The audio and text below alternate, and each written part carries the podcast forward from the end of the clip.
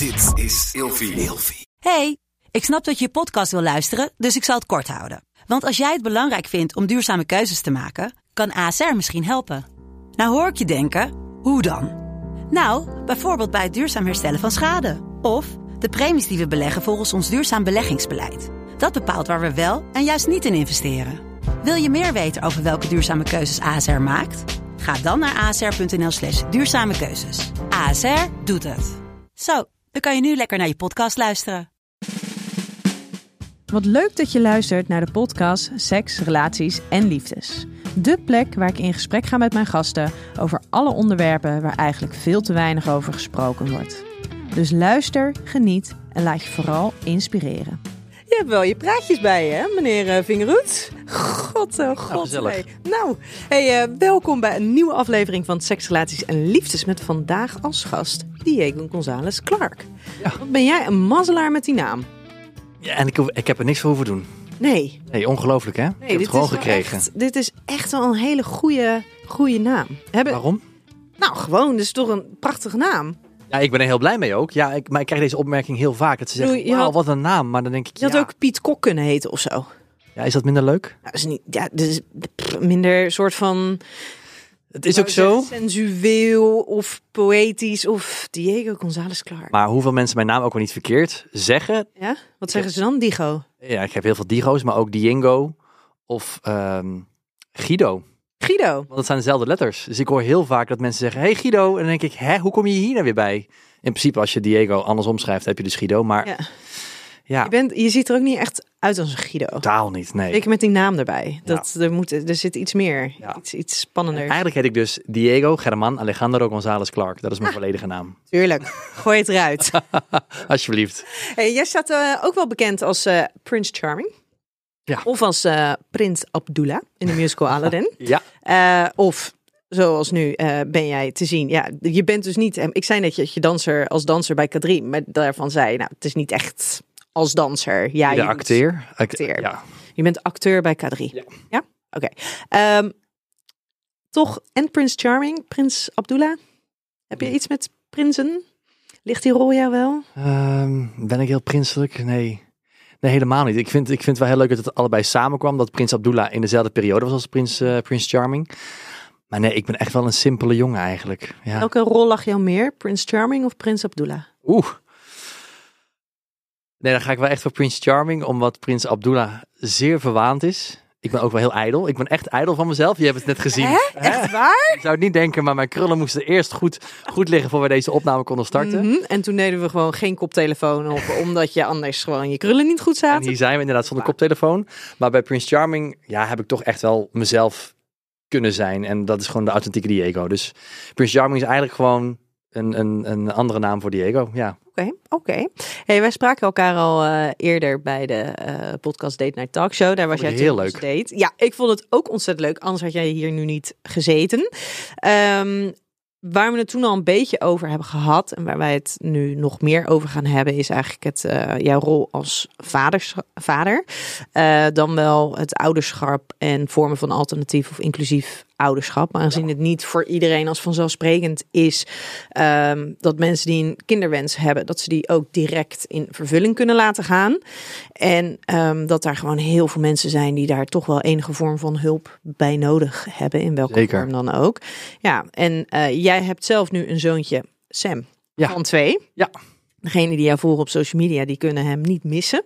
Eh, je, hebt, ja, ja, je hebt recent heb je ook een aantal interviews eh, in, in, in kranten eh, en, en tijdschriften gehad, ook met foto's en zo erbij. ja Hoe- model hè. Nou, Onvoorstelbaar. bizar. Ja, ik begrijp het ook niet zo goed, want we zijn heeft gewoon heeft iets van jou?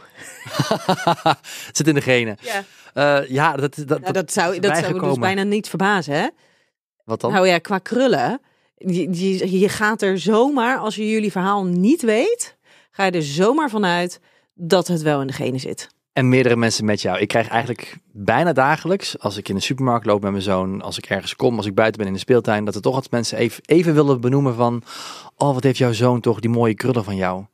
Dat is, dat is iets wat, wat mensen blijkbaar ook fijn vinden om een soort van Herkenning. herkenning te vinden inderdaad in de ouder hoort bij het kind. Dus een goede match. Eh, de vader staat bij het juiste kind op dit moment, want we zien allebei krullen.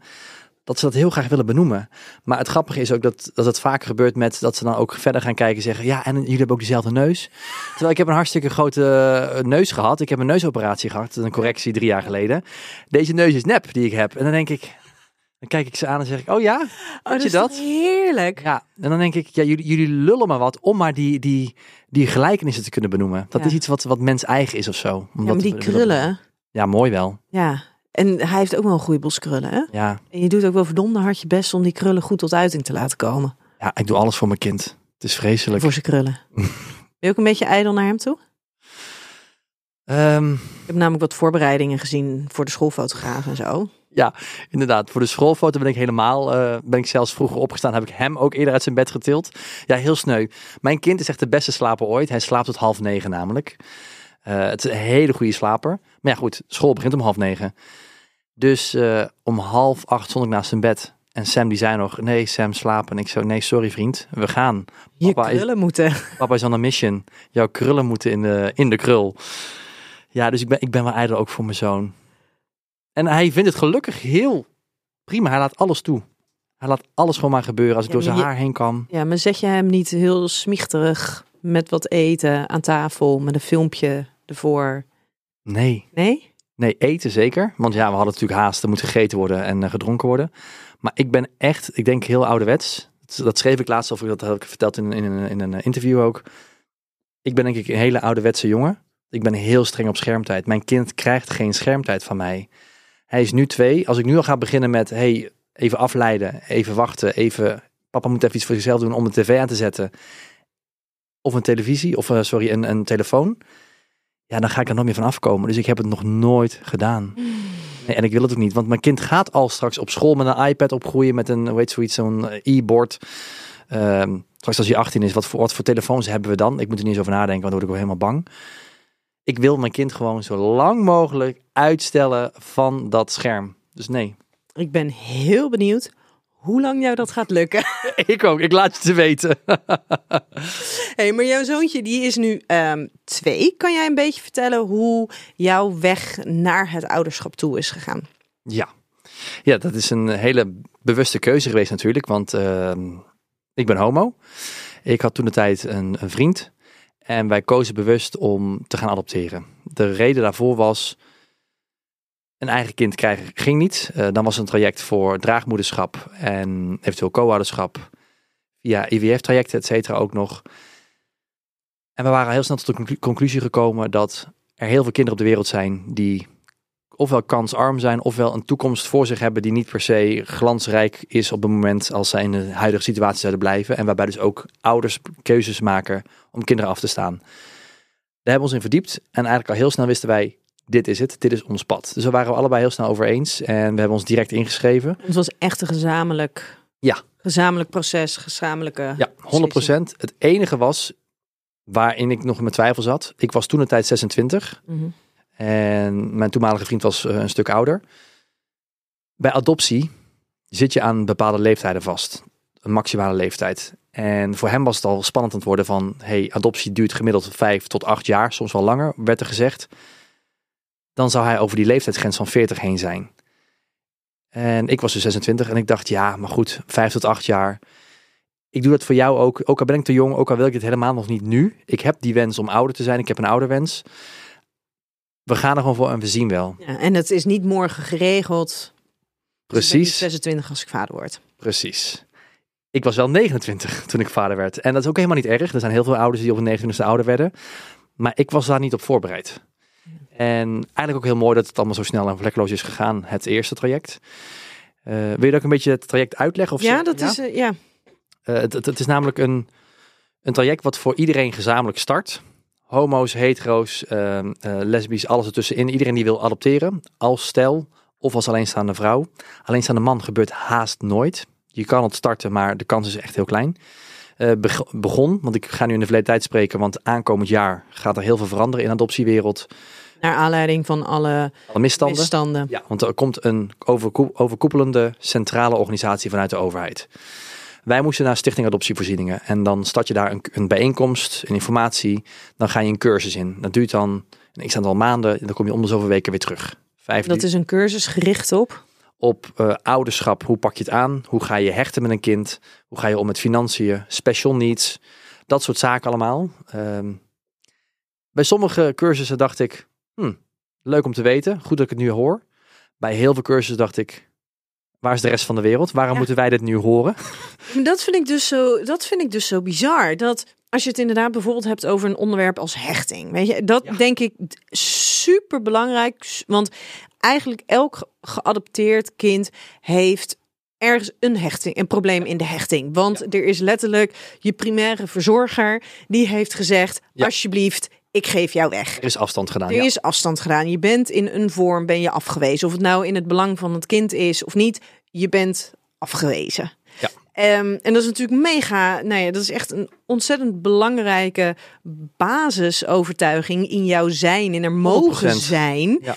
Ehm, en als, als dat daar zit, is het super belangrijk om te weten hoe je daar als ouder, dus als adoptieouder, laat me het dan even zo heel duidelijk zeggen, mee om moet gaan. Daarvan denk ik inderdaad super belangrijk. Ja, Als je heel waardevol, Over, ja. ja. maar als je het hebt over financiën en zo. Hoezo dan specifiek Ja. die groep ouders die willen gaan adopteren? ja, nu is het wel zo dat adoptie ook Heel Geld, ja. geld kost en heel veel. Ook weer afhankelijk van welk land. Ehm, wij waren toen een tijd gefocust op Amerika, want Amerika heeft de meeste kans voor homostellen en de jongste baby's. En dachten wij ook in het kader van hechting, hoe jonger, hoe meer kans op hechting en hoe, hoe beter dat zou kunnen gaan. Dus dat was onze keuze. Maar dan praat je ook vanaf 50.000 euro tot gemiddeld 80, 90.000 euro, misschien wel een ton. Helemaal afhankelijk van hoe je proces loopt. En hoe lang je ermee bezig bent en Exact, hoe langer het duurt, hoe meer je moet blijven betalen. Advocaten, bureaus, holy agencies, shit. iedereen wat ertussen zit. Maar bijvoorbeeld zouden we naar Zuid-Afrika gaan, waar je als homostel ook welkom bent, overigens. In hoeveel landen denk je dat homo's welkom zijn?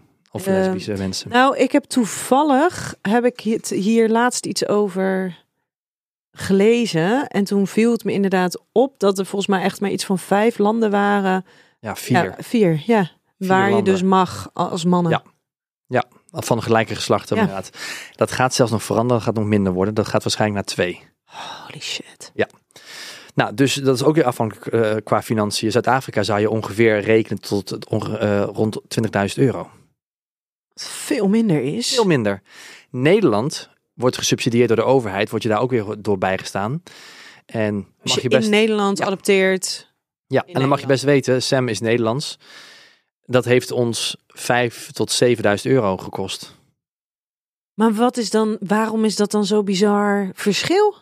Nou, dus wat ik zeg, eh, gesubsidieerd door Nederland, dat de organisaties door de overheid worden, worden betaald en eh, dat het ons geen geld kost, behalve dan advocaatkosten, dat je bij de rechtbank iets moet tekenen. Proces. Exact. Ja, Dat zijn dingen die echt, waarvan je ook weet, oh ja, daar zitten gewoon dingen die door advocaten geregeld moeten worden, dingen die in de rechtbank geregeld moeten worden, die kosten altijd geld. ja, die uren worden gewoon gemaakt. Precies, dus dat zijn directe kosten, daar kan je als het ware nog het bonnetje van krijgen. Ja.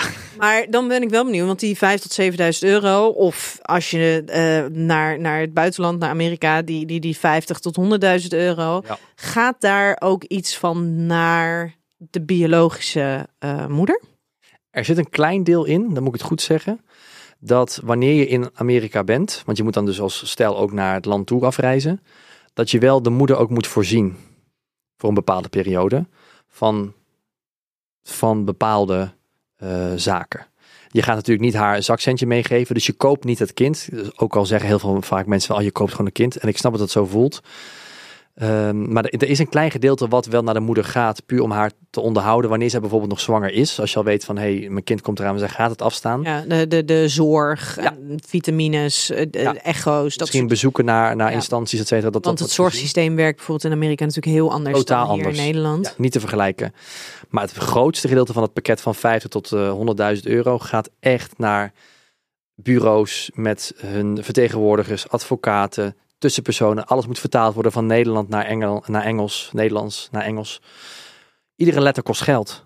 Ieder dossier moet een stempel krijgen, kost geld. En het is vreselijk hoe gênant veel geld daar dus puur op het zakelijke gedeelte in omgaat. Ja, en dat is dan ook zo bizar, hè? Want dan heb je dus iets wat zo menselijks is, wat dus zo zakelijk wordt. Juist. Want we hebben het over een kind een Ja. toekomst bieden. Ja, En dan heb je dus dat afgerekend en dan moet je nog beginnen. En het is al zo duur, hè? Ja, maar bij jullie was dat natuurlijk ook. Want jullie hadden dus inderdaad, voor zover ik heb begrepen, jullie hebben dus je, je hadden dus eigenlijk je zinnen gezet op Amerika. Ehm, vervolgens door corona gingen de grenzen Juist. dicht. eh, de, alle misstanden rondom adopties in Nederland. Dus daar was een enorme eh, rem op oplopende processen. Ja. Ehm, Dus eigenlijk kwam volledig adoptie stil te liggen op dat moment. ja. en toen kregen jullie ineens een belletje.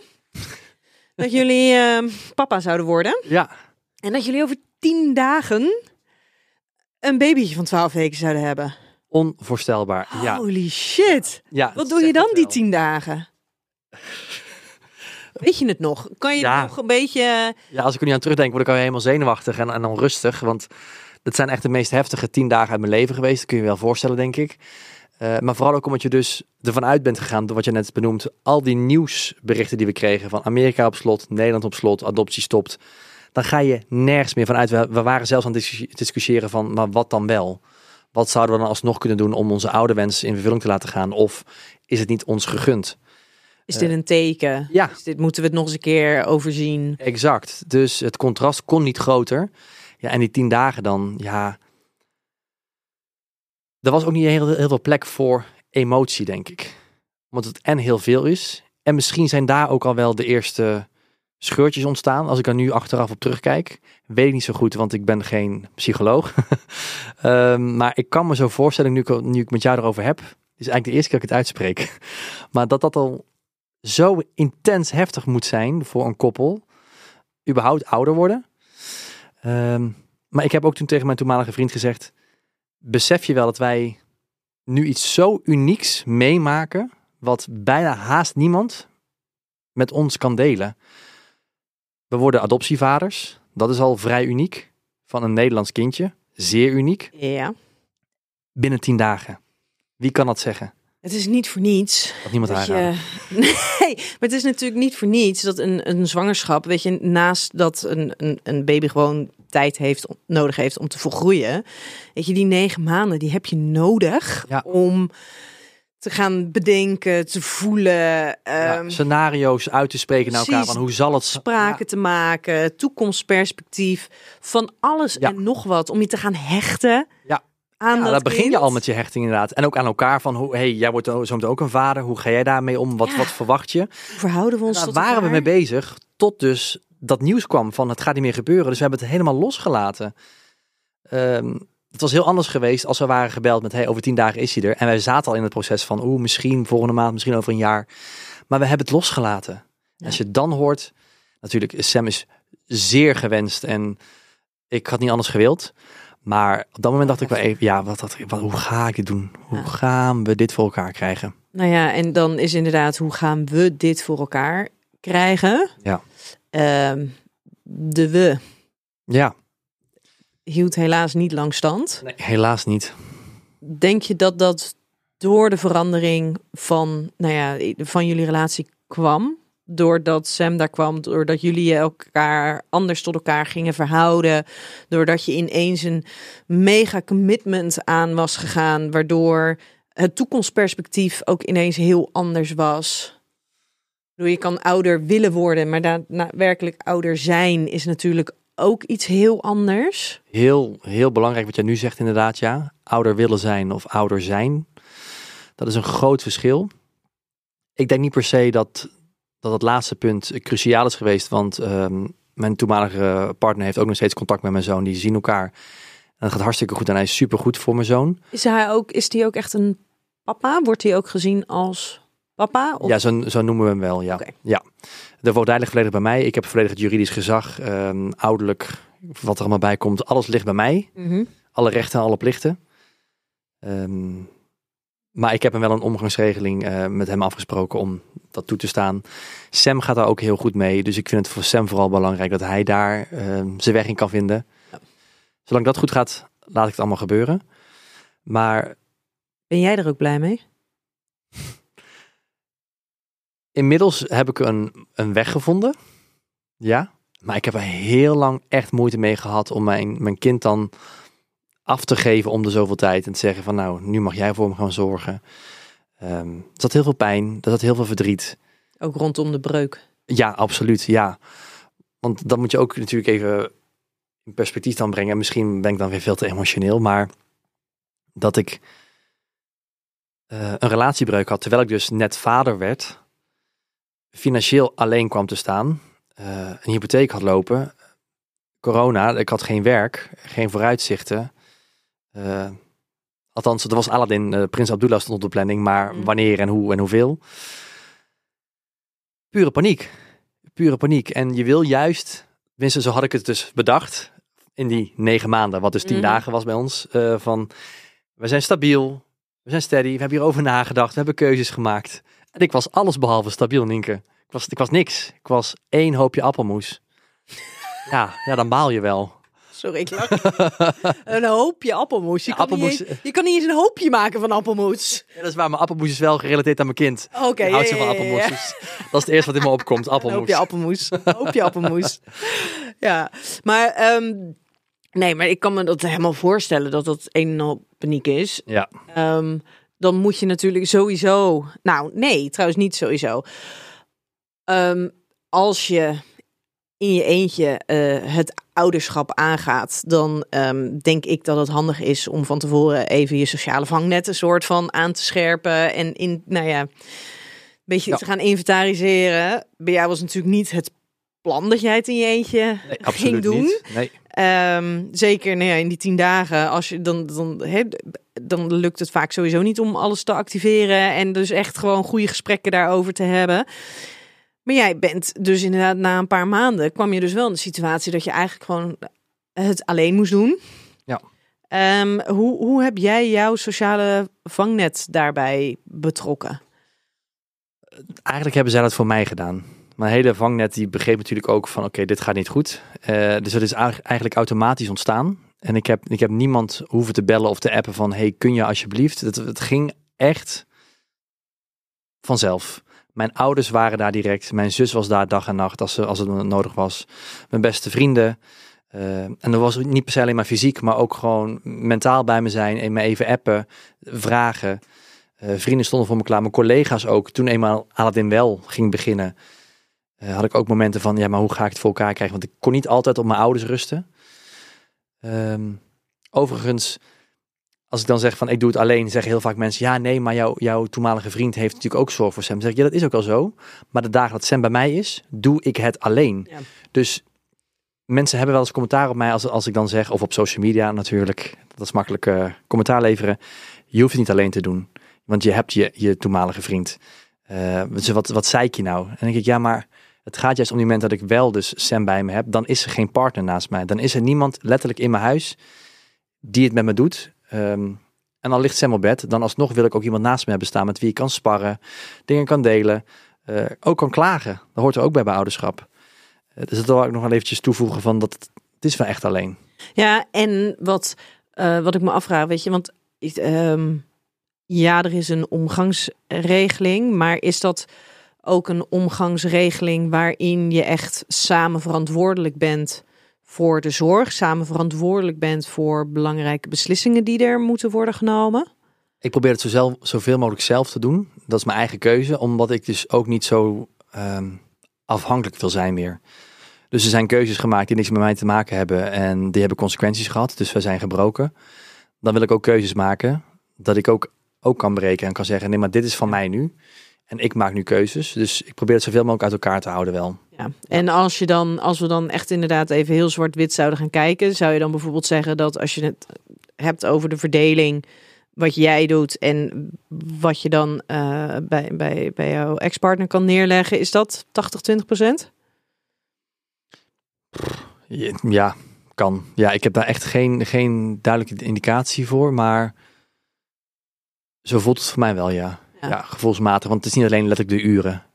Het, het is meer, het is meer dan dat. Ja. ja, maar dan is natuurlijk wel, want het vind ik ook altijd een last van, ja, maar wat is dan alleenstaand? Want als er een andere partner is, maar ja, in welke mate is de ander betrokken? En op, in welke mate kan je op de ander rekenen en in welke mate neemt de ander ook de verantwoordelijkheid? En is Ja. dat 50-50? Of is dat veel meer richting 80-20? En Ja. ben jij dus eindelijk, ben jij gewoon degene die de zorg draagt? Nee, kijk, hoe ik het gewoon puur zie, heel simpel. Ik woon met mijn zoon samen. Dus ik zorg dat hij 's ochtends wakker wordt, gedoucht is, fris gegeten heeft, naar school kan. Of gewoon dat hij bij mij is de hele dag. Dat we spelen, dat hij zijn lunch krijgt, dat hij goed aangekleed is, dat we de deur uitgaan. Goed aangekleed. Ja, goed aangekleed. Voornamelijk dan linker en rechter schoen goed. Vooral dat. Daar is er niks van, joh.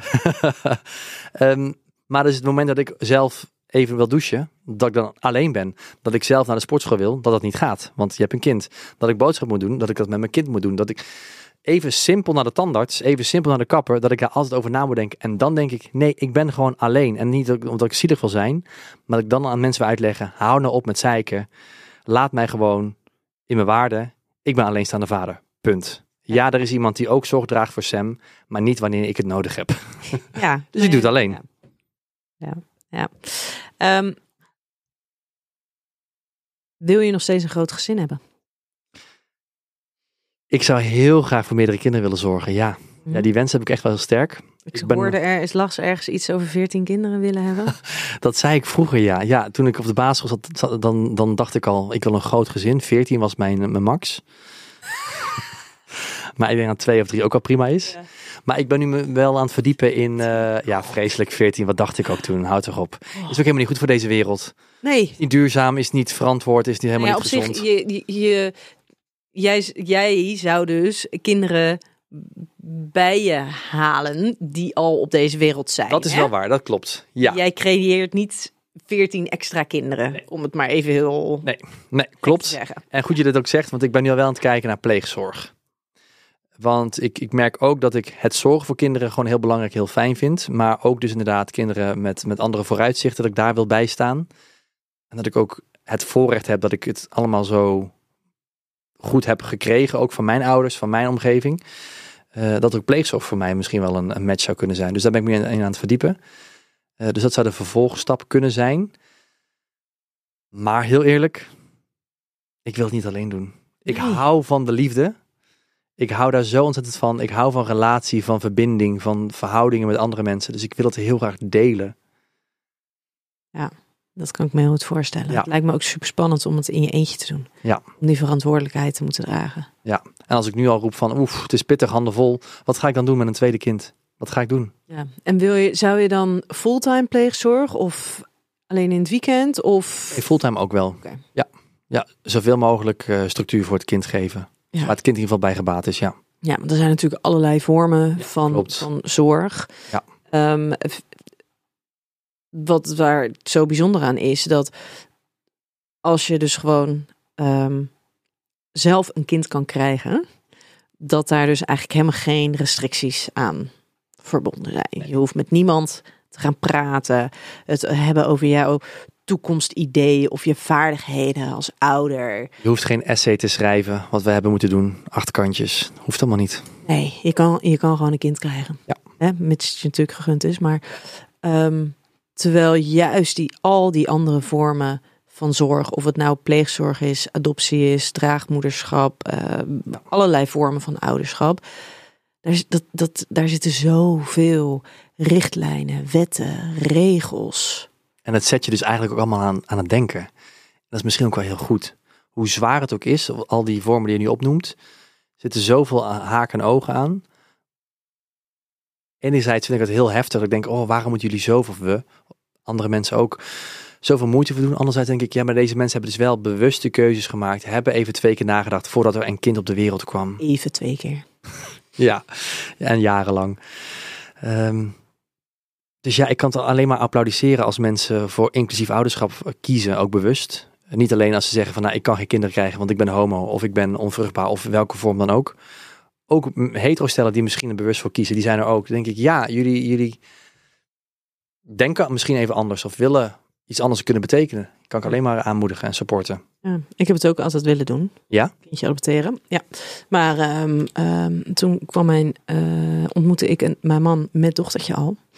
En toen eh, dacht ik het, oh ja, een soort van symbolisch. Dan wordt dit mijn soort van adoptie Ja. En ook wel daarna van, oh ja, maar als je dan... ehm, dus, eh, nou ja, ik in mijn positie dus dan een, een stiefdochtertje hebt. Dan een zoontje die gewoon biologisch dus ook, zeg maar, bij, bij de ouders woont en leeft. En dan nog een adoptiekindje. Dat is wel. Het zijn drie vormen, ja. Ja, het zijn drie vormen binnen één gezin. Ja. En hoe gaat dat dan? Komen daar nu wel eens vragen al over bij je, je twee kinderen? Nee. Nee. Nee, eigenlijk helemaal niet. Maar die kennen ook niet het woord half. Nee. Die zijn gewoon volop, eh, Heel goed. volop broer en zus. Mooi. hey, wij gaan het zo eh, nog even hebben uiteraard over dat eh, inclusief ouderschap. Ik vind het zo'n mooie term. Inclusief ouderschap. Ik heb daar heel lang over nagedacht. Ik ben lang aan het zoeken geweest. eh, want ik begon altijd over alternatief ouderschap. En tot iemand tegen mij zei... "Pff, Diego, weet je het wel zeker of je het zo wil gaan eh, verkondigen? Alternatief. Ik zei, ja, maar het is toch een alternatief op biologisch. Maar alternatief heeft toch altijd weer een negatieve connotatie. Eh, dus toen hebben we heel lang gediscussieerd. En toen, toen kwam ik met inclusief. Dus het is inclusief ouderschap geworden, ja. Ja, Alle vormen. ja super mooi. Ja. Hey, ik heb voor jou, eh, van jou gevraagd of jij vijf woorden wilde bedenken die voor jou ging, gaan over seksrelaties en liefdes. Welke woorden zijn dat geworden? Allereerst is dat een team. Dat is het eerste woord wat bij mij eh, naar binnen kwam. Zowel seks als relatie als liefde eh, is voor mij een team. Een teamverband. Ehm, goed, seks kun je ook met meerdere mensen hebben. Dan heb je een, een voetbalteam, ook leuk. Elftal. Dan heb je een elftal. Toch was stiekem een droom van me. Elftal. Net als die veertien kinderen. Oh ja, inderdaad. Oh, ik denk groot. Denk groot. Eh, ja, echt het, het teamverband. Het samen doen. Ja, dat is wat ik net al zei. Ik wil heel graag samen ook het ouderschap inrichten. eh, maar dus ook samen seks hebben. En niet dat ik word bevredigd of de ander. Ik wil niet een relatie hebben waar ik me goed voel en de ander niet. Het moet altijd samen, samen, samen zijn. Dus ja, een team is voor mij belangrijk.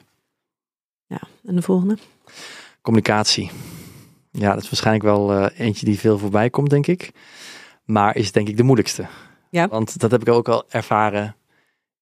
Want ik roep zo hard communicatie altijd dat ik dat zo belangrijk vind. Maar ik ben er zelf ook niet het goed in. Ik maak zelf ook fouten. Ik, ik vergeet het wel eens. Of ik, of ik kies soms bewust om dingen niet te zeggen om maar in een later stadium te denken, dit is het moment. En dan is het moment al voorbij en dan ben je weer tien stappen terug. En in communicatie eh, het woord luisteren. Daar ben ik inmiddels goed in, goed in geworden. Mhm. Door echt te luisteren, wat wil de ander nu eigenlijk? In plaats van alleen maar roepen van, nee, we moeten blijven praten, dit wil ik, dit wil ik. En daar heeft Prince Charming mij bij geholpen. Want? Ik heb bij Prince Charming binnen no time, in achterlijke tijd natuurlijk, 14 mannen mogen ontmoeten. Weer veertien. Oh ja, hey. Hey. Nou, Misschien toch je getal. inderdaad. Oh, was me niet eens bijgebleven. 14, ja, 14 mannen heb ik mogen ontmoeten. Ja, en ik, ik wilde gewoon heel graag ook weten wie ze zijn natuurlijk. En ik had met mezelf afgesproken. Ik geef iedereen voordeel van de twijfel. Tuurlijk, bij eerste aanzicht denk je al, ik kan een acht naar huis sturen. Maar dat is hoe de wereld werkt, heel oppervlakkig is van ja, nee, ja, nee. De hele Tinder en Mhm. eh, swipe wereld wilde ik niet. Dus ik had met mezelf afgesproken, je geeft iedereen een eerlijke kans. Ook al heb je misschien al een vooroordeel, daar wilde ik mee gaan stoppen met vooroordelen. Ehm, en om dan iemand dus een kans te geven, moet je luisteren. Dus ik heb toen binnen een maand tijd naar 14 mannen mogen luisteren. Wat hun, hun drijft, wat hun beweegredenen zijn, wat hun interesses, hobby's, et cetera. Het hele pakket eh, inhoudt wie zij zijn. Ja, dat vond ik fantastisch om het te leren van, aan, aan mezelf. Een skill van ga nou eens even Mhm. goed luisteren. Ja. En dat heeft me heel geholpen. Ook hopelijk in de toekomst als ik ooit nog een partner mag hebben. Ja, weet je, en het is inderdaad, hè, communiceren is zo verschrikkelijk belangrijk, maar het is zo verschrikkelijk ingewikkeld. Mhm. Heel veel mensen zijn super slecht in communiceren. Ehm, of we kiezen er soms gewoon heel bewust voor om belabberd te communiceren. En of het nou is omdat we het te spannend vinden, te moeilijk vinden, eh, te overweldigd worden door emoties of wat dan ook. Ja. Het is zo verdomd ingewikkeld. En ja, je bent een team, dus je, je hebt elkaar gewoon nodig. Ja. Je weet niet altijd alles van een ander. Nee. Ook al zeg je soms van nee, maar wij kunnen lezen en schrijven, twee handen op één buik. Ja, dat zal. Ja. Maar je bent ook, het is dynamisch, het verandert. Blijven praten, praten, praten. En in jouw eh, andere woorden. Ehm, wat had ik nog? Ehm, ambitie. Ja? Ja. Ik ben zelf een ambitieus persoon. Ik wil altijd blijven groeien. En dat heb ik voornamelijk in mijn werk eh, gemerkt dat ik dat wil. Maar ik wil het ook in mijn relaties, in mijn liefde. En ik wil het ook in mijn seks. Dat ik niet ga vastroesten in, in hetzelfde. Of ik weet dat ik lekker vind wat de ander lekker vindt. Ehm, ja, en een relatie is ook gewoon groeien en ontwikkelen. Ja, maar ambitie staat voor jou dus eigenlijk meer eh, symbool voor in beweging blijven. Ja, blijven groeien, ontwikkelen, ontwikkelen. ontdekken. Dat is voor mij ambitie. Dat je wil Dat je weer verder gaat. Dat je zegt van, hé, hey, ik ben nu comfortabel met mezelf. Kan ik mezelf ergens uitdagen? Is er nog iets wat ik eigenlijk ook nog echt wil? Of is er iets wat ik liever wil? Ja. Wat En, ambitie is. en heb jij ook dat je voor jezelf hebt van, oh ja, over vijf jaar wil ik daar staan? Of meer in het hier en nu zorg dat je in beweging blijft? Oh, goeie, jeetje.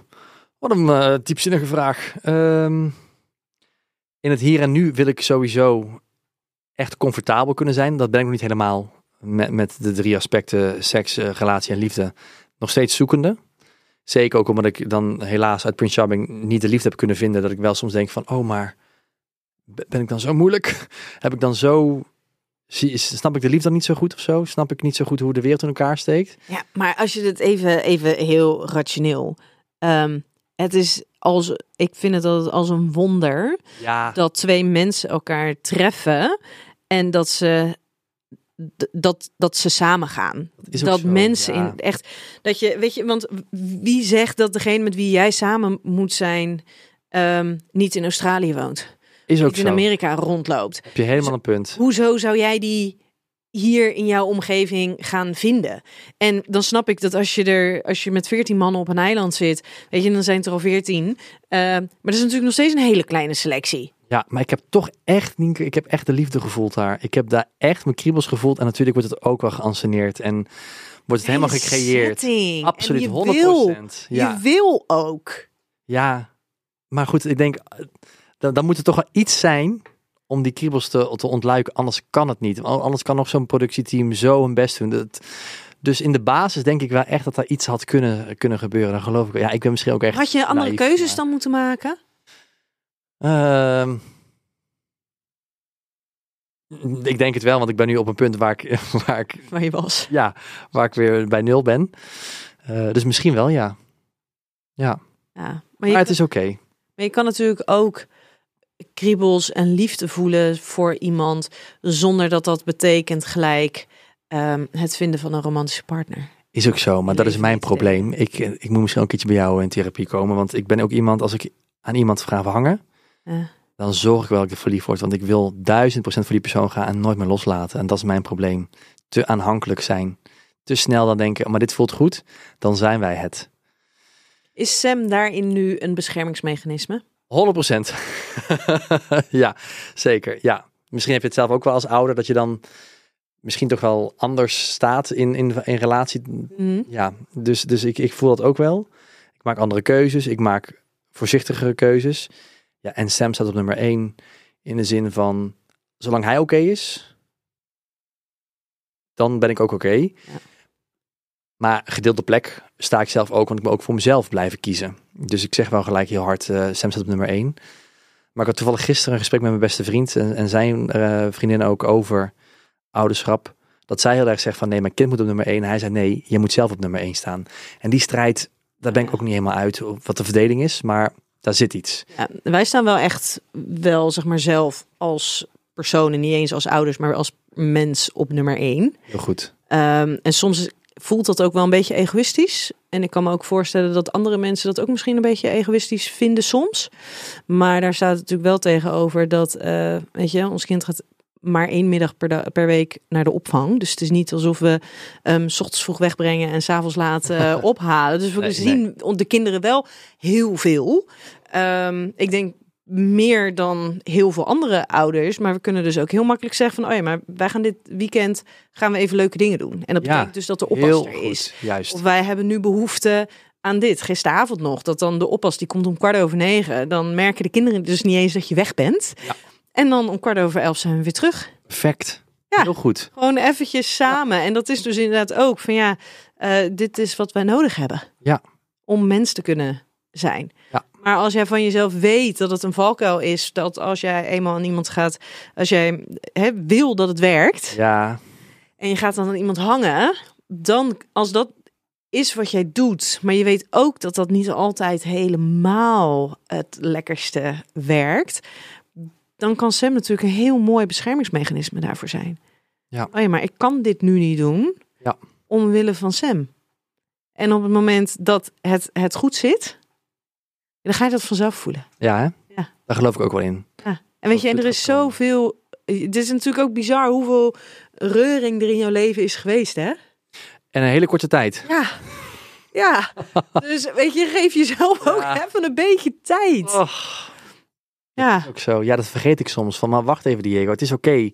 Ga maar weer eventjes terug op, op pauze. Even en even, even nadenken en even tranquilo. Even gewoon met, je, met de huidige mensen in je omgeving even, even rust, ritme. Ja. Dat.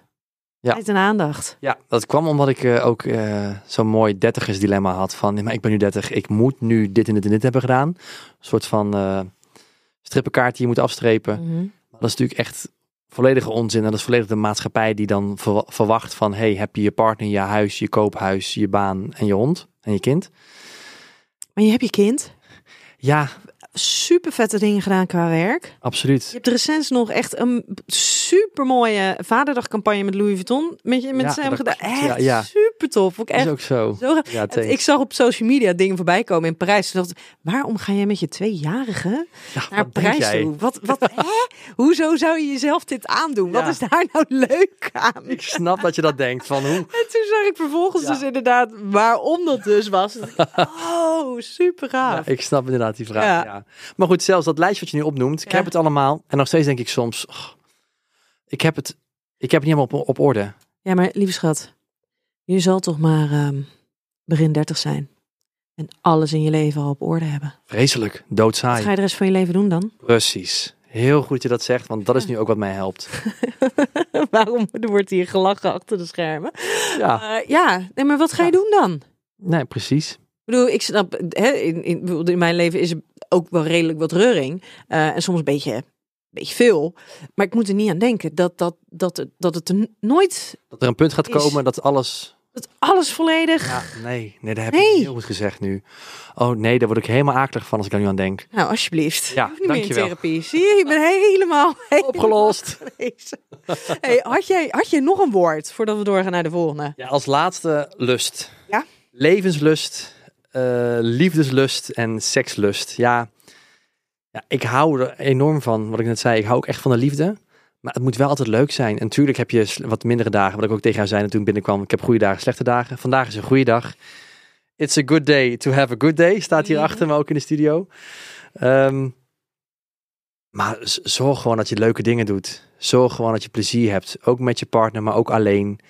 Eh, en dat is wel echt wat, wat nu is nog niet aan de hand, maar wat ik voor me zie. Van, ga maar eens even die leuke dingen doen. Ga even lust hebben in het leven. Lust in je seks, in je relatie, in je liefde. Ja. Ga dat maar eens even doen. Maar ik denk dat daarin, dat, eh, en dat is dat gesprek heb ik vaker met mensen als het gaat over lust of over passie. Dat moet je zelf als persoon ook wel in je kunnen voelen. Ja. Het moet een vaardigheid zijn die je zelf in je hebt. Ja, dat is, Je moet enthousiast kunnen worden van dingen. Je moet echt, echt oprecht eh, aan kunnen gaan op dingen. En dat heb ik echt van mezelf. Dat zit echt in me, weet ik. Maar ik heb het een beetje afgeschaafd. Toen ik een beetje dacht van, hey, je begint serieus te worden. Je wordt serieus, want er komt een gezin, er komt een koophuis. Je wil een carrière maken in musicals. Dus ik dacht, nee, kom Diego, je moet nu even step up je game serieus gaan worden. En ik heb toen dat, dat lustige randje, het passievol enthousiast worden van dingen, zelf bewust afgeschaafd van, word maar eens volwassen. Kan En- niet allemaal leuk zijn. Precies. Echt? En nu denk ik, weg ermee. Ja, daar kom ik nu achter. Terwijl als je het dus hebt over die ambitie en in beweging zijn, Ja. dit, dat is waarschijnlijk wat jou in beweging houdt. Ja. Ja, en ik heb, het, ik heb mezelf eigenlijk daarin belemmerd of, of geremd. Ja. Ja. Dus daar waar jij misschien in je dertigers dilemma kwam, of en inderdaad de vorige keer dat Mhm. we elkaar spraken, eh, toen, nou ja, toen was het een beetje chaotisch en wist je het allemaal even niet meer zo goed. Geen idee. Ja, als jij stopt te volgen ehm, wat, waar, waar je normaal lekker op ging, Ja. datgene wat jou, jou maakt. Als jij dus heel rationeel bes- besluit, besluit van ja, dat ga ik dus niet meer doen.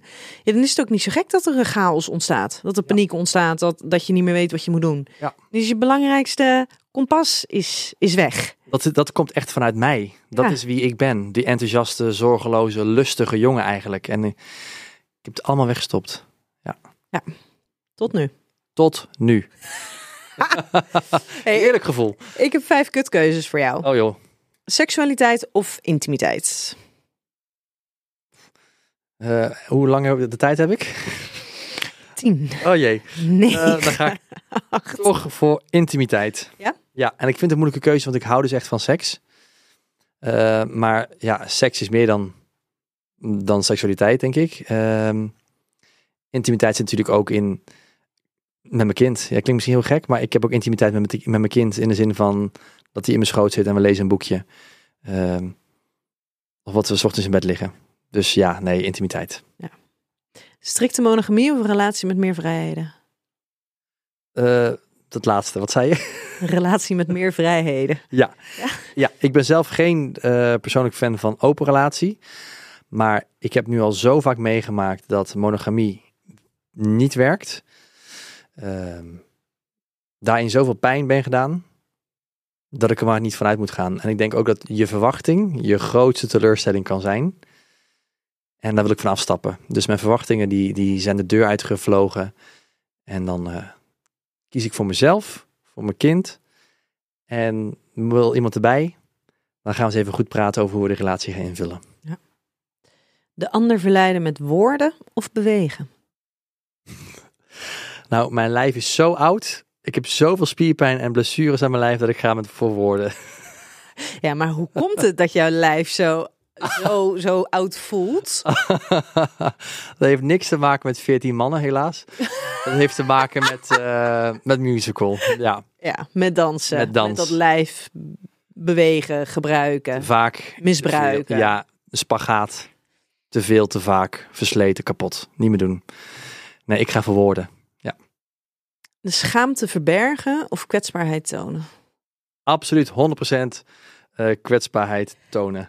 En dan absoluut 100% schaamte Ja. verbergen. Gewoon, Zag je me nadenken? Ja. Ik ben er de mist in. Nou, en dan moet ik zeggen dat jouw jouw boek, want ik heb jouw boek mogen lezen, eh, wat ik echt te gek vond. Dank daarvoor, want dat heeft me ook heel snel inzicht gegeven. Ik wist al, schaamte ehm, moet je niet opzoeken, laat het allemaal gaan, bespreek het uit. Dus ik was er al voorstander van. Maar jouw boek heeft het nogmaals gewoon bevestigd dat, dat eh, schaamte, dat we dat onszelf aanpraten, dat wij die kaders onszelf zo opleggen. En ehm, ja, daarom ben ik echt duizend procent voorstander van praten, laat het zien, voel je maar eens kut, benoem het eh, en lees jouw boek. Nou, dankjewel. Ja. Hè? Ehm, een naakt lichaam of een lichaam met kleding aan? Met kleding aan. Ja? Ja, ja, ik zie heel de dag alleen maar naakte lichaam op Instagram. Vreselijk. Ja, toch? Ik bedoel, als we aan het scrollen zijn, aan het swipen en alles, dan, dan denk ik soms van, heb ik nog mensen op mijn pagina of op mijn feed die ik volg die wel kleren aan hebben? Ja. Nee, veel interessanter en spannender voor mijn eigen verbeelding. Heerlijk. Lekker kleren aan. En zie jij voornamelijk naakte mannen voorbij komen op je Instagram of ook naakte vrouwen? Voornamelijk naakte mannen. Dat is natuurlijk ook een beetje hoe mijn algoritme is ingedeeld, denk ik. Misschien ook mijn eigen schuld, want ja, mijn algoritme ziet ook gewoon wat ik like. Waar heb je op gekeken? Ehm, nou, ik hou ook van porno kijken. Ja. Ja, daar ben ik ook niet, eh, schaam ik me ook niet voor. Ik denk dat een groot gedeelte van mensen dat ook doet. Eh, vind ik ook leuk voor de verbeelding. Ter inspiratie. Ja, voor de verbeelding. Je hebt toch geen enkele verbeelding nodig? Het is toch vrij zichtbaar? Ja, maar ik, ik verbeeld mezelf dat ik ertussen lig. Oh, ja? Ja, dat verbeeld ik me dan. Of kan dat niet? Natuurlijk kan het wel. Ja, want, ik wou, want de een van degenen die ik eh, bij de kutkeuzes ook wel eens voorleg is... eh, wij, zijn er al, wij hebben er al vijf gehad hoor. Maar eh, is porno kijken of fantaseren? Ja. Maar jij gebruikt porno om vervolgens mee te gaan fantaseren. Ja. Ja, ik combineer dat. Ja. Is dat heel gek of is dat Nee? uniek? Dit is alleen maar goed, Ja. denk ik. Ja. Nee, ik, ik, eh, ik eh, vind het prachtig om, om naakte lichamen te zien. Dat wel. Moeten dat dan esthetisch mooie Nee. lijf zijn? Nee, nee, nee. Nee, daar ben ik ook echt van afgestapt. Ja, dat- Rationeel of gevoelsmatig? gevoelsmatig. Ja, ook omdat ik zelf ouder word en mijn lichaam ook in verval komt, dan denk ik soms maar, Heb je je lijf gezien? ik ben niet meer jong. Maar wat is dan jong? Wat is dan jong? ja, weet ik veel, eh, strak in je vel. nou, wat zit je dan? Losjes, appelmoes. ben ik weer met mijn appelmoes. Nee, je bent geen appelmoes. Ja, kijk, ik, ik zie er nog oké uit. Ik, denk, ik ben ook echt trots hoor dat ik als 30-plusser kan zeggen: kijk, zo kan ook een 30er eruit zien. Maar het, het moet niet meer zo zijn van je moet zo en zo en zo.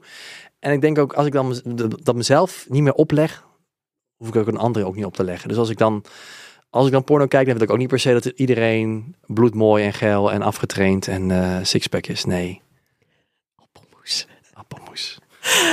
Ehm, ik heb eh, vijf stellingen voor jou. Iedereen's kans om ouder te mogen worden zou even groot moeten zijn. Oh jeetje. Oh, dit vind ik wel een hele moeilijke. Want mijn eerste gevoel zegt gelijk ja, Maar absoluut. Maar al heel direct kom ik er ook achter. De verhalen die je hoort eh, over. Ja, ik, ik ben natuurlijk vaak in gesprek met, met jeugdzorg geweest. Met pleegzorg ben ik me nu in, in aan het verdiepen. In wat voor situaties soms kinderen terecht zijn gekomen. eh, of al zijn geboren. Dat ik soms denk van, dan had er van tevoren dit nooit mogen gebeuren. En heel eerlijk heb ik het ook over mezelf gezegd. Toen eh, wij na drie maanden al uit elkaar gingen, eh, heb ik ook echt kwaad op mezelf ben ik geworden. Van dit had ook nooit mogen gebeuren. Op dat moment had de adoptie niet door mogen gaan. Hoe erg dat ook klinkt of raar misschien uit mijn mond. Dat dacht ik toen. Inmiddels weet ik beter. Van het is oké en Sam en ik horen bij elkaar. Ehm, maar soms denk ik wel van niet iedereen hoort dan de kans te krijgen. Of dan had je daar beter over na moeten denken. Dus nee, dan ga ik toch voor eh, niet iedereen moet dezelfde kans krijgen. Ja, nee, ik vind het heel, eh, eh, heel mooi dat je het inderdaad zo beschrijft. Want enerzijds lijkt het natuurlijk als vanzelfsprekend, ja, de. Iedereen. Ehm, maar wat je net ook al zei, die processen die er zijn, ehm, zijn ook wel goed. Het is ook wel goed dat ze er zijn. Die zijn er met een zijn- reden. die zijn natuurlijk met een reden. En als je kijkt ehm, hoeveel mensen, nou hoeveel kinderen dus bijvoorbeeld in de pleegzorg terechtkomen. Ja. Maar die echt niet beter worden van de plek waar ze terechtkomen. Jeetje, hoe hebben die mensen ooit Juist. ehm, daar als het ware dan toestemming voor gekregen om deze kinderen, die toch vaak dan al wat kwetsbaarder zijn, te mogen opvangen? Ja, en, en de reden daar, onder andere daarvoor is, wat ik heb gehoord van pleegzorg, is dat zij te weinig ouders hebben. En dan maar zeggen, we gaan voor de eerst best volgende matching, of de match die goed lijkt te zijn, in hun ogen, maar niet de beste keuze is. Maar dit is de eerst volgende optie. En dan denk ik, ja, maar dat, dat kun je een kind niet aandoen door te zeggen van, nou, we hebben niet beter, maar ze komen in de buurt. Ga maar. Niet gelukt. We gaan naar de volgende. En zo heb je heel veel ouders die niet per se ouders horen te zijn. Ja. Heel heftig dat ik het zeg, maar Nou, Denk nee, ik. denk dat ouder zijn, dat, dat daar dus een verschil zit ook tussen ouder willen zijn en ouder kunnen zijn. Ja. En de Ja, vaardigheden die het van jou vraagt om ouder te zijn, die, dat, zijn, dat zijn gewoon echt wel uitdagende vaardigheden. ja. wij wisten ook niet waar, waar we aan begonnen, toch? Jij en ik Nee, We hadden een idee, ja, eh, verbeelding, ja. Maar dat, niet. En dan ehm, is, is, is dan, zeg maar, als je dan ook nog eens bij hebt, bij mij is het, nou ja, nee, trouwens, bij mij is het natuurlijk ook, ik heb ook gewoon een stiefdochtertje. Ik wou zeggen, dus als je dan nog, eh, als, als het kind jouw biologische kind is, dus je kent diens hele voorgeschiedenis, je hebt in principe zicht op diens hele wereld, dan is het al af en toe Ja. uitdagend. Maar ik merk dus inderdaad, nou ja, daar zit dus wel een stukje vergelijking. Bij mijn eh nou ja, dus bij mijn mans dochtertje, daar zit natuurlijk een deel van haar wereld speelt af in een wereld waar wij geen zicht op hebben.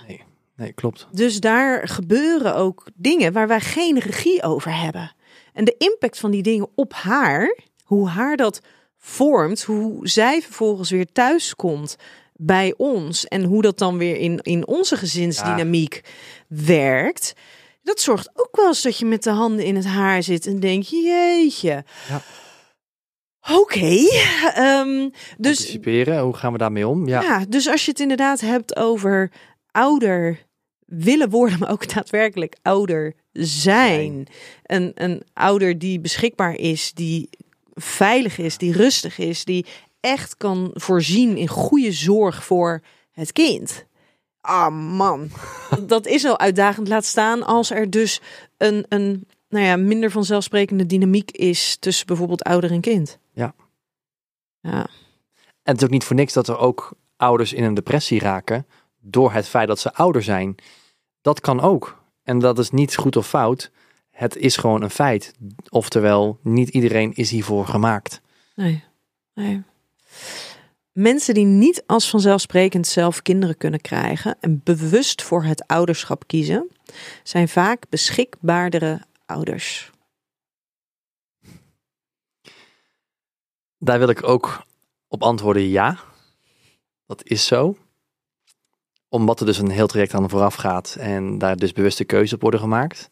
En je allemaal cursussen moet volgen, hè? Ja, en ook huisbezoeken. Letterlijk je huis wordt gecheckt. Is het wel eh, kindvriendelijk? Eh, is het mogelijk om hier een kind op te voeden? We hadden daar trouwens ook wel grappig om te vertellen. We hadden daar een, eh, een, een aantekening op ons huis. Vooraf. Want van tevoren moet je aangeven wat is je huis. En dan gaan ze je huis ook opzoeken in het kadaster, et cetera. En ons huis was één appartement met daaronder een berging wat een slaapkamer was geworden. In het kadaster staat daar gewoon een berging. Dus volgens ons dossier staat daar dat wij slapen in een berging. dus onze begeleider komt binnen. En die gaat ineens rondkijken en die zegt ineens... Oh joh. Oh, maar dit is gewoon een kamer. Die dacht Ja. dat jullie in een kelder sliepen ergens. Letterlijk. Ja. Letterlijk, jullie slapen maar in de berging, zodat het kind een eigen kamer krijgt. Dus ze zei, ja, oh nee, ik heb hier wel een aantekening van gemaakt. Nu zal ik wel even snel weghalen uit jullie dossier. Ik dacht, wat de... hm? We, hadden, we waren misschien wel afgewezen of een aantekening gekregen. Dat je in de berging. Omdat wij volgens haar in de berging slapen. Maar goed, dat is natuurlijk, dat wordt dan weer vervolgens rechtgetrokken getrokken en heeft ze uitgelegd waarom dat kwam. Maar dan denk ik, joh, wij worden zo onder de loep genomen. Ja. Belachelijk. En wat gebeurt er met de halve wereld? Die Die fietsen er hebben, zo niet, langs. die hebben niet eens een slaapkamer voor het kind. Bijvoorbeeld. En natuurlijk niet per se dat een kind een aparte kamer moet hebben om succesvol en gezond op te groeien. Zeker in die eerste jaren niet. Precies. Eh, maar het wordt, wordt wel dus mensen die dus geen kinderen vanzelfsprekend kunnen krijgen. Daarvan wordt het wel verwacht. Inderdaad, daar wordt het wel verwacht. Ehm, dus ja, laat ik het gewoon daarbij houden. Ja. Oké. Dus, dus ja. Eh, de naam Sam, hebben jullie die bedacht? Die had hij al moeder, gekregen. Ja, zijn moeder heeft gezegd van op één voorwaarde wil ik dat jullie dan eh, Sam adopteren. Is dus wel dat hij de naam draagt. En natuurlijk geen seconde over getwijfeld. Nee. Nee. Wat, wat als het een naam was geweest waar je minder een gevoel mee gehad had? Ik had ten alle tijden de moeder haar wens gerespecteerd. Maar ik ben wel heel blij dat hij Sam heet. ik Oké, niet voor je oké. liegen. Nee, nee, nee, dat hoeft ook helemaal niet. Hoeft ook helemaal niet. Welke rol speelt zij nog in, in eh Sam's leven nu? Of hoop je dat ze gaat spelen? Eh, Nederlandse adoptie is open adoptie. En dat betekent dat je altijd dus contact eh, hebt met de moeder. Maar in welke mate en hoeveel en hoe vaak, dat mag je zelf bepalen. Dus we hebben van tevoren, of eigenlijk bij de adoptie, bij de plaatsing eh, besproken dat het één keer per jaar zou zijn. En is dat dan, hebben jullie daar dan de regie over? Of heeft zij daar dan de regie over? Eigenlijk een beetje gelijkwaardig, want we hebben besproken dat het zal rond de, verjaardag van Sam zijn. En dus we weten gewoon, zij weten het en wij weten het. Rond die periode hebben we weer contact. En dat is het. En dat gaat eigenlijk heel goed tot nu. Ik bedoel, Sam is twee jaar, dus het is twee keer gebeurd. Eh, maar het is heel fijn, heel respectvol. Ik heb zeer, zeer veel respect voor, voor zijn moeder. Voor het feit dat zij dus en de keuze heeft gemaakt om Sam af te staan. En de manier waarop. En hoe zij nu in het leven staat. En dat zij dus ook voor zichzelf kiest nu. En dat mag. Ja. Eigenlijk, dat moet. Kies voor jezelf. Wie kiest er anders voor jou? Wat, wat vond zij ervan eh, om te horen dat jullie uit elkaar gingen? Ja, ik heb dat haar verteld. ehm, zo snel mogelijk als ik zelf kon. Als ik er, dat ik er ook zelf aan toe was. Ze had al zoiets begrepen via via. Want ja, het nieuws gaat natuurlijk snel rond. En ehm, ja, dat gaat. Och, ik vind het weer helemaal vervelend om, Ja. om, om daaraan terug te denken. Ik bedoel, goed dat je het vraagt hoor. Maar ehm, dat, ik- ik heb me daar zo voor geschaamd. Schaamte. Omdat je niet wil teleurstellen. En er is één persoon die ik nooit, nooit, nooit wil teleurstellen. En dat is de moeder van mijn kind. Nou, En ze heeft daar heel goed op gereageerd. Zij kon ook eigenlijk niet anders beamen van dit gebeurt, is het leven. Zij heeft namelijk ook een keuze gemaakt. Door hetgeen wat haar is overkomen. Ehm, en nu sta ik er alleen voor. En ze zei van ja, maar dat ga je hartstikke goed doen. En Sam gaat goed, dus dat is het belangrijkste. Toen dacht ik, ja. Zo het volste vertrouwen in jou als Ja. vader. Ze heeft mij alle vertrouwen gegeven. En ik heb haar daar heel erg voor bedankt. En dat voel ik nog steeds iedere dag. Ja, wat Maar dat was me toch een drempel. Och, ja.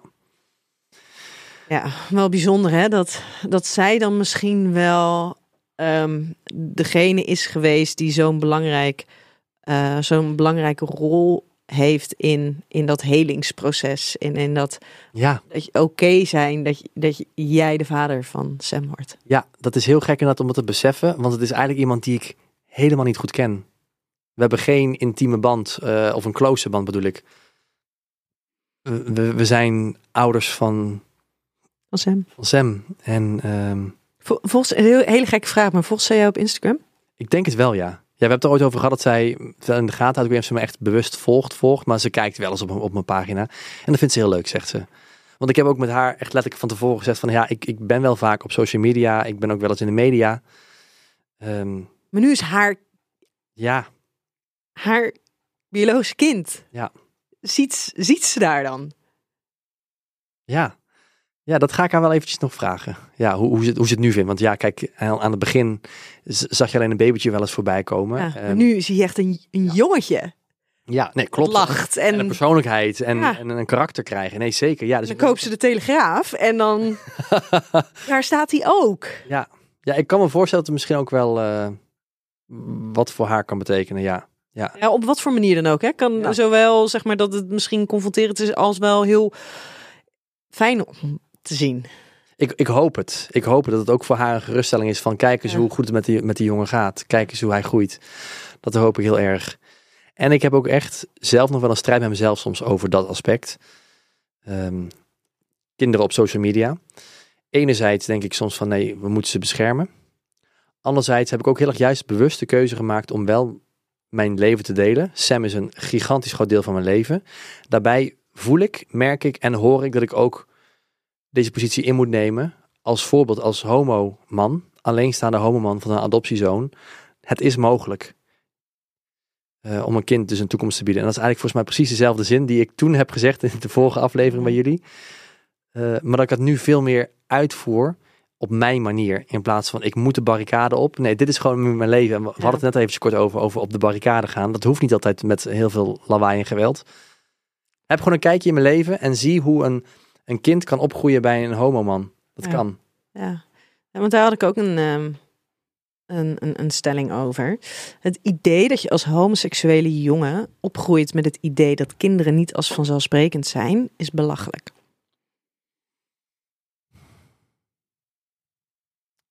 Ja, het is belachelijk. Het is nu eenmaal zo dat ik letterlijk biologisch niet eh, met een andere man een kind kan maken. Althans, nu. Ik hoor alweer verhalen over genetische manipulatie in Amerika met Wil je dat horen? Ik denk dat we die kant niet op moeten gaan. Nee. Dus ja, het is belachelijk. ehm, want je hoort dan gelijk soort van in je oor beperkingen, beperkingen, beperkingen. Maar ik denk dat wij onze kracht, onze... Ik denk ook dat een hele hoop homomannen in mijn omgeving die ik ken iets unieks hebben, iets speciaals hebben. Dat zij ook moeten doorgeven aan een volgende generatie. Eh, ik wil niet zeggen dat ze allemaal per se allemaal vader moeten worden. Maar ik, ik ken alleen maar homomannen die empathie hebben. En er zijn een hele hoop ouders die empathie missen. Dus dan denk ik soms, laten we even een hele grote flinke generatie aan homovaders, lesbische moeders, ehm, transgender ouders ook. Laat zij alsjeblieft ouder zijn. Zodat er heel snel een nieuwe generatie gaat komen waarvan ze weten, dit is de, dit is de normale wereld. Ja. En dat is denk ik wat ook nodig is voor het taboe. Niet om op de barricade te gaan staan, maar om maar een generatie voorbij te laten gaan waarbij meer ouders ehm, homo, hetero, sorry, homo, lesbi, transgender en alles ertussenin zijn. Ja. Laat het maar gewoon gebeuren. Heb jij de wens ergens om een biologisch kind op deze wereld te zetten?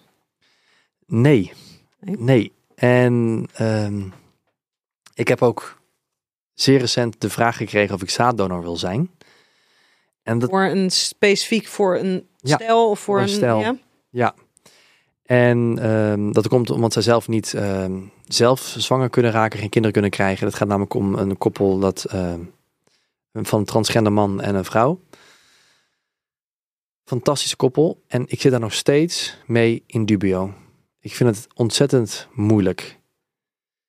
En eh, dat komt omdat ik heb niet de wens meer om zelf kinderen te krijgen. Omdat ik dus bewust heb gekozen voor adoptie. Daarnaast kijk ik nu naar pleegzorg. Ik ben ook heel erg van mening van we moeten niet meer deze wereld zo ehm, willen volzetten met, met kinderen. Ja. Anderzijds denk ik ook, we moeten ook niet stoppen met kinderen krijgen. Want dan als wij straks met pensioen zijn, wie gaat er voor ons zorgen? dus er moeten kinderen blijven komen. Maar er hoeven er geen veertien per gezin te komen. Precies, geen 14. Niet aan beginnen, lieve mensen. Ehm, Laten we eerst maar eens goed zorgen voor de kinderen die die zorg nodig hebben en die nu niet altijd krijgen. Juist. Maar ik, ik snap ook als geen ander, en dat is ook, ook het discussiepunt wat ik ook met dat, met dat koppel heb. Ik snap als geen ander hoe het is om niet vanzelfsprekend kinderen te kunnen krijgen. Dus, dus ik wil ook niet die kans van hun, voor hun ontnemen. En bij hen is er wel de mogelijkheid dat zij gewoon het kindje kan gaan dragen. Dus Ja. dat zij de biologische moeder wordt. Precies. En wat ik net ook al zei, ik wil dat er een nieuwe generatie gaat komen. Waar dus ook gewoon kinderen van transgender ouders, van homo ouders, van lesbische ouders en alles ertussenin. Dat die er meer gaan komen. Dus dan denk ik, ja, dan kan ik daar ook bij helpen. Ja. Lijkt het jou niet dat het ehm, gek? Ik weet dat, dat mijn man die heeft namelijk op een gegeven moment ook de vraag gekregen van mijn, eh, mijn, mijn tweelingnichtjes zijn allebei lesbisch en eh, allebei getrouwd. Ehm, maar daar kwam op een gegeven moment de vraag van, en dat was enigszins grappend bedoeld hoor, maar wel de vraag: goh, ehm, wil jij niet inderdaad de donor zijn Ja. van onze kinderen? Oké, Maar beladen vraag. Nou, ik vond het was, het was meer van, weet je, je maakt zulke mooie kindjes. Dus, eh, dus het was wel, het was een beetje met, met een knipoog, maar wel, ja, dat je er dus dan wel ook eens over na gaat denken. En van, ja, maar hoe ga je je vervolgens dus tot die kinderen verhouden? En Als je zeker dus- omdat het ook familie is. Ja, maar dus je dus als je dus, maar voor jou zijn natuurlijk hetzelfde gelden. Ja. Stel je gaat dit, dit doen. ehm, en er komt dus een kindje, en dat is biologisch gezien is dat jouw kind. Hoe ga jij je dan tot dat kind verhouden? Ja. En hoe gaat Sam zich dan Ja. tot dat kind verhouden? Ja. En wat doet dat met Sam's idee van wie, wie, wie jij als papa bent? En precies deze vraag, je raakt de spijker op zijn kop als je dat zo zegt. Dit is mijn strijd. Dit is het precies. Het, Ja. ik, ik maak dan een keuze voor niet alleen voor mezelf, maar ook voor Sam. Ja. En kan jij. En kan jij bewust afstand nemen van een kind dat biologisch voor jou is? Dat weet ik dus niet, want ik heb het nog eerder gedaan. Net als dat ik niet wist hoe het was om vader te zijn. Ik weet het niet. Ik weet niet hoe het gaat zijn, hoe ik me ga voelen, hoe ik me ga verhouden. Ik weet het allemaal niet, Nienke. Och, het is heel Is het moeilijk. een beslissing die je nu op korte termijn moet maken? Ja, want deze vraag heb ik dus al een, een tijd gekregen. Ehm, toen heb ik eerst uitgelegd van, hey, ik zit in een relatiebreuk. Toen zei ik, de adoptie is nog niet rond, dat loopt allemaal nog. Toen ging ik naar Prince Charming. En ze gaven me alle ruimte en het zijn echt de meest lieve mensen ooit. Eh, dat is ook vervelend, want ik wil alleen maar helpen. Je, wilt ze, je gunt het ze zo. Ja. Ja, maar nu komt er wel ook een punt. Want ik begrijp ook, zij moeten ook verder of niet. Ja. Leeftijd, verder of niet.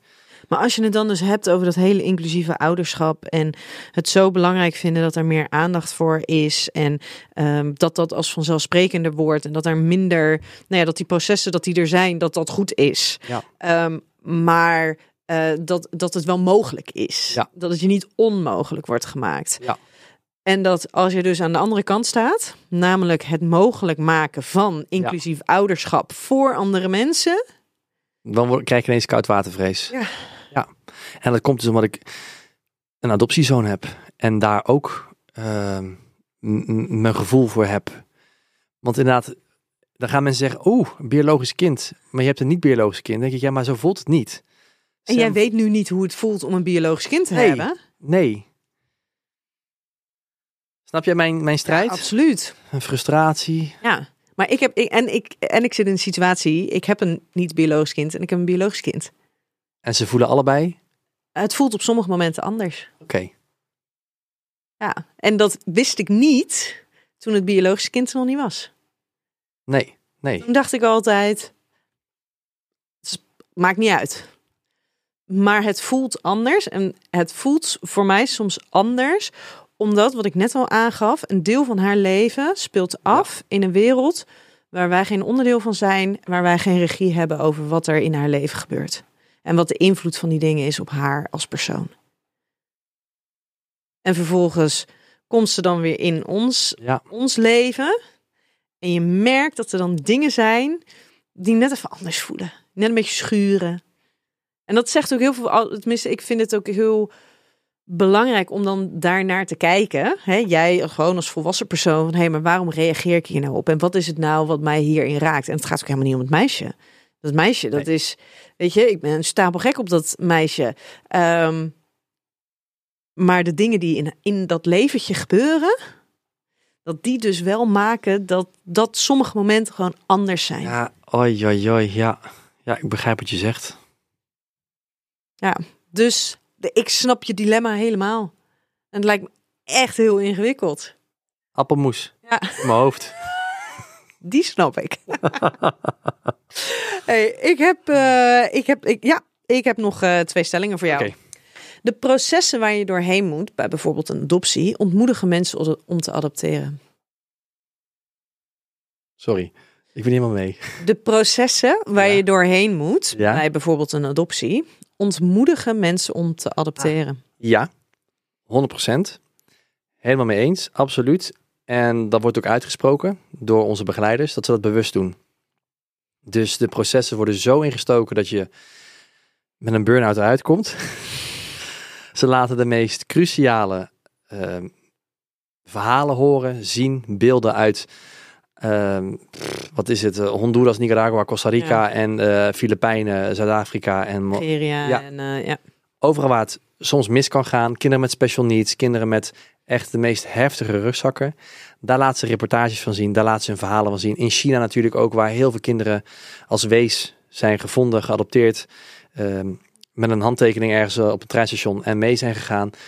Rampverhalen natuurlijk, dat daar ook misstanden van, eh, van eh, naar boven zijn gekomen en gelukkig maar. Maar ze zeggen dus, dat doen wij bewust, zodat heel veel ouders denken, Laat maar. dit is niet mijn pad. Daarom ligt er ook een geldnorm. Dus ook bijvoorbeeld een cursus kost al 1500 euro.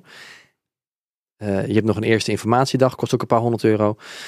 Dus voordat je überhaupt iets van een stap hebt gezet, ben je al je boodschappen kwijt van de week. Nou, dan heb je dure boodschappen. eh, 2000 euro boodschap. Ja, dat is voor 14 kinderen. Appelmoes voor 14 kinderen. Die appelmoes, maar hopen dat het vers is. Ja. Maar eh, nee, oké. maar dat is... ehm, ja, dus dan krijg je eigenlijk een soort van selectieprocedure. Ja, Om misschien wel een beetje het kaf van het koren te onderscheiden. dat is precies wat ze doen. Ja, en eigenlijk wel een beetje inzetten. Weet je, het gaat uitdagend worden. Op wat voor vlak dan ook.